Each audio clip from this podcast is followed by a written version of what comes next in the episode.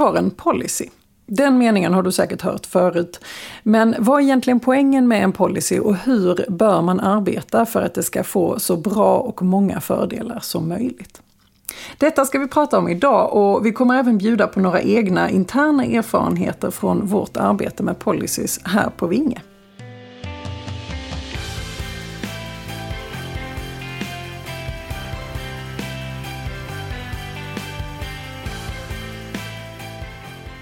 Hej och välkomna till Arbetsrättspodden. Podden för dig som verkar inom HR eller hanterar personalfrågor i din vardag. I den här podden vill vi bjuda på nya infallsvinklar och dela med oss av vår kunskap för dig som arbetar inom HR-området. Jag heter Emelie Svensäter Jantorp och arbetar som advokat inom arbetsrätt här på Vinge. Och som du hörde inledningsvis så kommer dagens avsnitt att handla om policies och riktlinjer. Ja, en policy kan sägas innehålla information från en arbetsgivare till de anställda om hur en viss fråga eller ett visst område hanteras hos bolaget. En policy kan förstås reglera villkor rörande olika förmåner som finns, som en semesterpolicy, en tjänstebilspolicy eller liknande. Och vissa bolag väljer att sammanställa alla policies och riktlinjer i en personalhandbok som hålls tillgänglig för de anställda. Personalhandboken kan sedan uppdateras och anpassas löpande efter verksamheten. Men man kan också ha policies separat liggande, så länge de är tillgängliga för de anställda. Den information som finns i en policy är ju ofta av stor vikt för själva anställningen.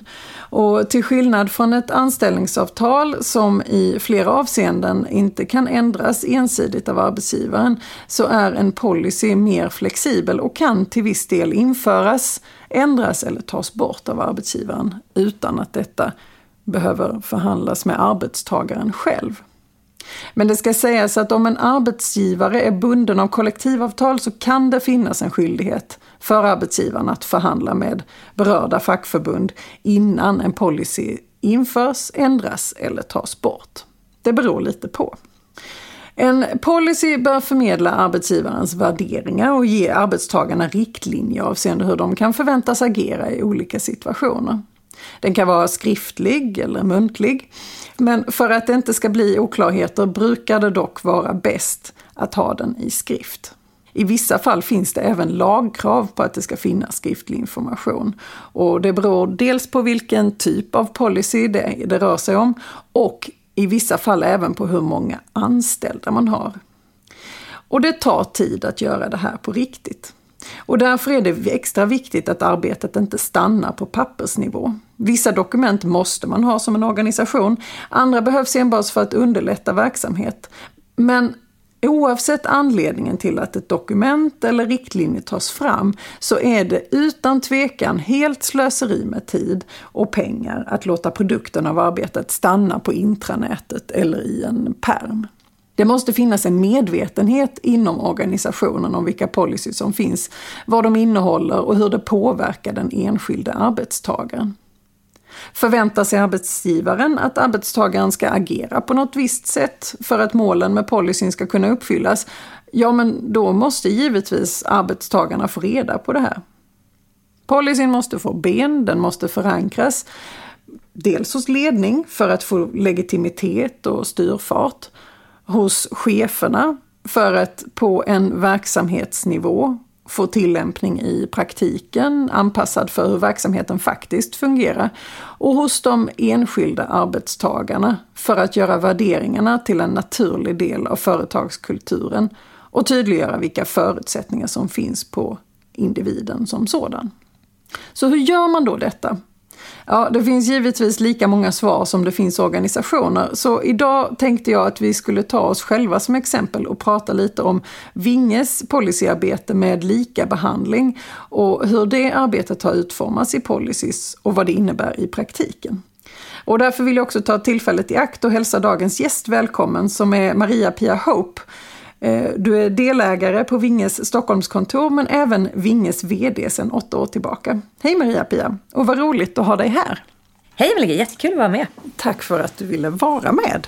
Eh, och vi pratar idag om eh, arbete rörande policies och vikten eh, av att ha det i en organisation. Och jag tänkte vi skulle ta oss själva som ett exempel och prata lite om hur, hur Vinges jämställdhetsarbete har växt fram och hur, hur det ser ut, hur vårt arbete har sett ut med det. Mm.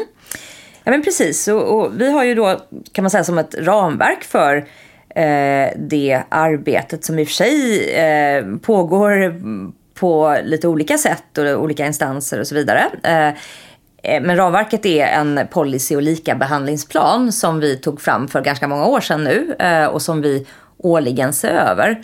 Så grund, grunden det är en kan man säga, plan? Ja, mm. precis. Mm. Det, det är grunden och i den eh, så har vi då formulerat mål, eh, åtgärder. Eh, den innehåller också liksom en analys som då uppdateras utifrån eh, den årliga översynen eh, av ja, måluppfyllelse och, och åtgärder som behövs vidtas och liknande. Och det här arbetet då med att se över planen som är väldigt centralt och viktigt, det, det sker i en samverkansgrupp Eh, där vår eh, HR eh, tillsammans med medarbetarrepresentanter då eh, tittar på målen och, och åtgärderna och liknande och liksom utvärderar. Men när man, då, när man då började det här arbetet med att ta fram policyn från början, alltså egentligen när man var på mm. steg ett egentligen.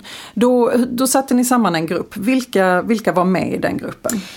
Alltså, man kan väl säga så här, att det, det regelbundna arbetet eh, med, med policyn och likabehandlingsplanen det, det sker i, i, i, samverkan mellan HR och medarbetarrepresentanter, alltså representanter egentligen från alla våra olika eh, yrkeskategorier internt. Och, och, det är där som, som så säga, den årliga uppföljningen sker. Sen jobbar vi ju med det här dokumentet på lite olika sätt eh, också. Vi, vi, tar upp det då efter den årliga översynen exempelvis i vår ledningsgrupp och vi informerar om den i, i till exempel personalinformationsmöten kanske genom en artikel på vårt intranät och liknande. Eh, men vi jobbar också med, med jämställdhetsfrågor i lite andra konstellationer också. Vi har det som en viktig del av vår, vår eh, medarbetarstrategi just för att säkerställa att den ligger väldigt högt på agendan eh, internt. Det är ju väldigt många frågor som man skulle kunna ha på sin interna agenda men man måste prioritera någonstans och då har vi konstaterat att mångfald, jämställdhet är väldigt eh, centralt för oss. Och varför eh, har man eh, lyft fram just då eh, jämställdhet och mångfald som ett sånt viktigt Eh, därför att vi, tro, vi tror genuint på att eh, det är viktigt för eh, vår verksamhet, för eh, lönsamhet. Det finns eh, forskning, research som visar att eh, jämställda för företag med, med mångfald, och inklusive inte minst på seniora nivåer, de blir lönsamma, de blir, de, det går bättre för dem helt enkelt. Eh, men, men också därför att vi tror att det är oerhört relevant för att kunna attrahera nya generationer av medarbetare. Eh, vi ser det liksom konkret i de frågor som vi får i anställningsintervjuer och liknande. Att det är frågor som är väldigt viktiga för nya generationer. Och, och vi tycker också att det är viktigt att, att säkerställa att vi, vi, vi har eh, jämställdhet internt i, i våra led. Så det finns många olika alltså, faktorer som gör att det, det är väldigt högt på agendan.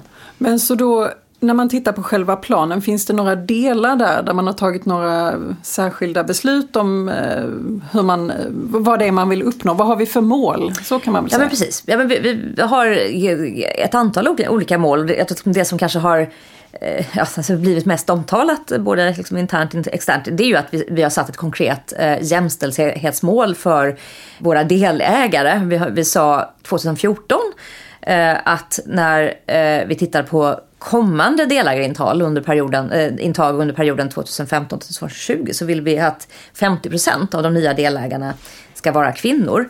Därför att det är ungefär så det ser ut när vi rekryterar från universiteten. Eh, då, då är det, för att, ja, det är en majoritet eh, av våra nyanställda jurister som är kvinnor och då är det rimligt, tycker vi, att det också återspeglas på seniornivå.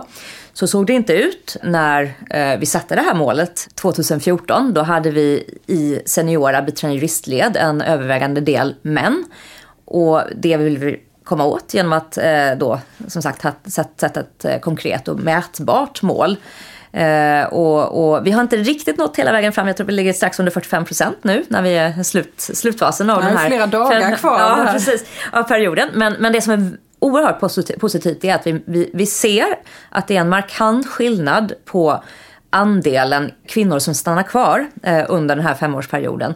Eh, vi har nu i princip exakt samma andel eh, kvinnor på seniora veterinäristnivåer som vi har på juniora. Så det är en ganska stor förändring bara på fem år och, och någonting som vi eh, bedömer kommer konkret av att vi satte ett mål då för, för fem för år det, det är ju ett väldigt starkt signalvärde det man väljer att skriva i en policy om man då lyfter fram den som ett viktigt dokument förstås. Absolut så. Eh, Ja. och då eh, kan man ju säga att då kommunicerade man ju ut att eh, det finns en eh, tydlig karriärväg för samtliga personer inom bolaget då förstås. Precis så är, så är det och, och, och som sagt att vi, vi tror verkligen att, det, att, att målet har haft betydelse för, för just den här eh, ja, men ambitionen vi hade att, att försöka säker, säkerställa att eh, fler kvinnor stannar kvar.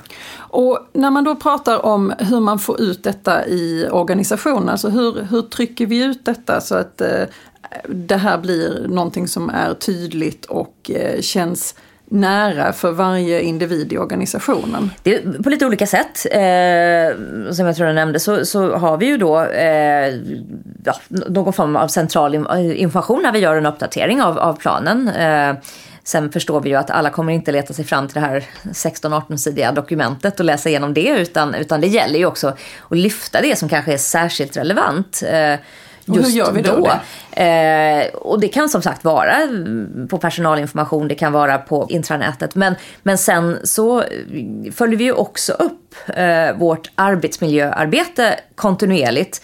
Vi har kontinuerliga eh, ganska täta medarbetarundersökningar en gång per kvartal. Pulsundersökningar, eh, ganska enkla att fylla i på en app. En gång per år så följer vi upp just kring arbetsmiljön. Och varje gång vi har en sån här pulsundersökning så, så är ambitionen då att ta tillbaks resultatet till arbetsgruppen då som, som man eh, arbetar i så att man pratar om frågorna och resultatet eh, liksom i, i närmiljön. För det är då det blir på riktigt, eh, då man, man eh, ser vad det är som faktiskt är, är relevant i vardagen. Um, så, så, så det kanske är det allra viktigaste, att man ser till liksom att, att man har en diskussion kring ja, men de frågor som är så att säga, identifierade som viktiga och, och centrala just, just i uh, den egna arbetsgruppen. För då har du ju haft kommunikationen då såklart den Mm. ursprungliga då kommunikationen i det här dokumentet och det som går ut från ledningen. Exakt. Och sen så trycker man ut det så att cheferna har i uppdrag då, eller gruppcheferna ja. har i uppdrag att diskutera det med de medarbetarna Exakt som man arbetar med dagligdags. Och det, det är ju ett bra sätt tycker jag att göra det nära för Mm. individen själv. Och det kan man ju såklart applicera på alla typer av, av eh, policyarbete eller eh, värderingsarbete som man har i, i bolaget. Precis så. Och vi har ju också vi har olika medarbetarråd där eh, jag och tillsammans med HR eh, följer upp en del liksom, värderingsrelaterade frågor också. Eh, och, och just med sikte på att försöka förstå konkret liksom, vad, hur, hur man resonerar i det vardagliga. För att eh, det är en sak att ha välformulerade policies och, och ja, värdegrundsdokument och liknande. Men, men, men ännu viktigare just att ha en intelligent dialog kring vad det faktiskt betyder. Alltså vad betyder det på riktigt? Ja, Eh, och det värsta som finns är ju att lägga ner all den här tiden på att skriva ett jättefint dokument med eh, Eh, korrekt eh, kommentering och allting och sen används det inte överhuvudtaget. Det är ingen som förstår vad som står där egentligen. Nej men precis, och jag tror också mycket på liksom att, att eh, våga vara lite smart i kommunikationen. Man kan, liksom inte, man kan inte stå och orera om allt eh, i, i ett långt dokument utan lyfta det som är liksom, särskilt eh, liksom, aktuellt, viktigt, relevant eh, för, för liksom, den ja, interna diskussionen som pågår just då. Det, det är väl viktigt också liksom, att eh, levandegöra det på, på det sättet. Om man då tittar på eh, arbetet som sådant. Eh, vad, vad ser vi för utmaningar framöver i detta? Nu, nu sa du att vi hade den här eh, riktlinjen om att vi skulle ha då 50% delägare fram till 2020 under då en femårsperiod. Nu är vi då bara några dagar fram till 2020. Har vi några nya Ja, höga mål? absolut. Vi har satt ett nytt mål eh, för den kommande femårsperioden. Eh, exakt eh, samma mål. Vi tycker att det fortfarande är relevant därför att ja, vi rekryterar fortfarande liksom, ja, någorlunda jämnt fördelat kvinnor och män från universiteten till, till våra juniora roller. Jag tror att den största utmaningen det, det är att faktiskt mäkta med att enträget eh, hålla fast vid eh, sina mål och det man tror på och liksom fortsätta arbeta med det. Även när det inte är omskrivet i tidningarna och spännande och nytt. Utan eh, när, när, det är, när man är inne då, som vi snart kommer vara på år sex, att, att eh, hålla fast vid det eh, och, och också inse att ja, men gör man inte det så är det lätt att man hamnar i en situation där, där man faktiskt går bakåt. Det finns konkreta exempel på det i ett annat nordiskt land där en advokatbyrå hade ganska bra liksom, ja, representation av kvinnliga delägare eh, och plötsligt så hände något och flera lämnade och, och sen, sen var de liksom sämst i klassen. Eh, jag tror att det är oerhört viktigt att, att som sagt våga hålla fast eh, vid, vid det som är centralt och som man som, som man så att säga, jobbat med ett tag.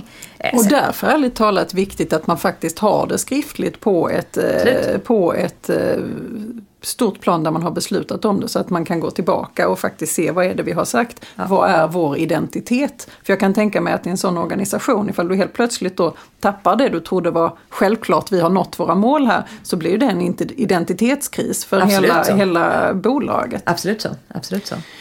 Eh, men om vi skulle sammanfatta, vad, vad, tycker du är det viktigaste att ta med sig när det gäller eh, ja, dels policyarbete på stort men då även varför vi har valt att eh, då eh, lyfta den här delen av vårt policyarbete som är jämställdhetsarbete. Vad är, det, vad är det som har varit viktigt för oss att kommunicera med den här delen? Just att, det som jag var inne på tidigare, att, att det är eh, verksamhetskritiskt att, att eh, säkerställa att vi har mångfald. Eh, internt i våra led och därmed också jämställdhet. Det blir en bättre eh, tjänst som vi kan leverera till våra klienter. Våra klienter efterfrågar också eh, ja, men mångfald i våra team, det märker vi av.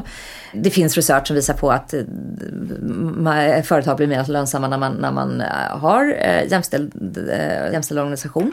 Men också för att säkerställa att vi, vi förblir relevanta för, för de vi vill kunna rekrytera. Så tror jag är otroligt viktigt att hålla fast just vid. Skapa en ordentlig trovärdighet. Jämställdhet. Ja. Vad ser du då som de största utmaningarna framöver? ja, men åter just att så här, mäkta med att hålla fast och jobba vidare enträget med det man tror på. Att eh, hela tiden säkerställa att man förstår var organisationen befinner sig. Eh, och att man följer upp sånt som inte fungerar. Så, så att man liksom verkligen eh, Eh, ja, men vidtar åtgärder det behövs vidtas. Ja, men det är ju inte så att vi är eh, fria från, från eh, liksom, ja, alla former av eh, utmaningar och problem bara för att vi kanske då går mot någorlunda jämställdhet. Utan eh, det är självklart så att det finns eh, utmaningar även hos, hos oss och då är det ju otroligt viktigt liksom, att vi har ja, som sagt bra rutiner och bra, bra, ett bra sätt att hantera eh, de utmaningarna på och göra det snabbt och, och tydligt. Tusen tack, det var allt vi hinner för idag. Tack för att du kom hit. Tack för att jag fick med.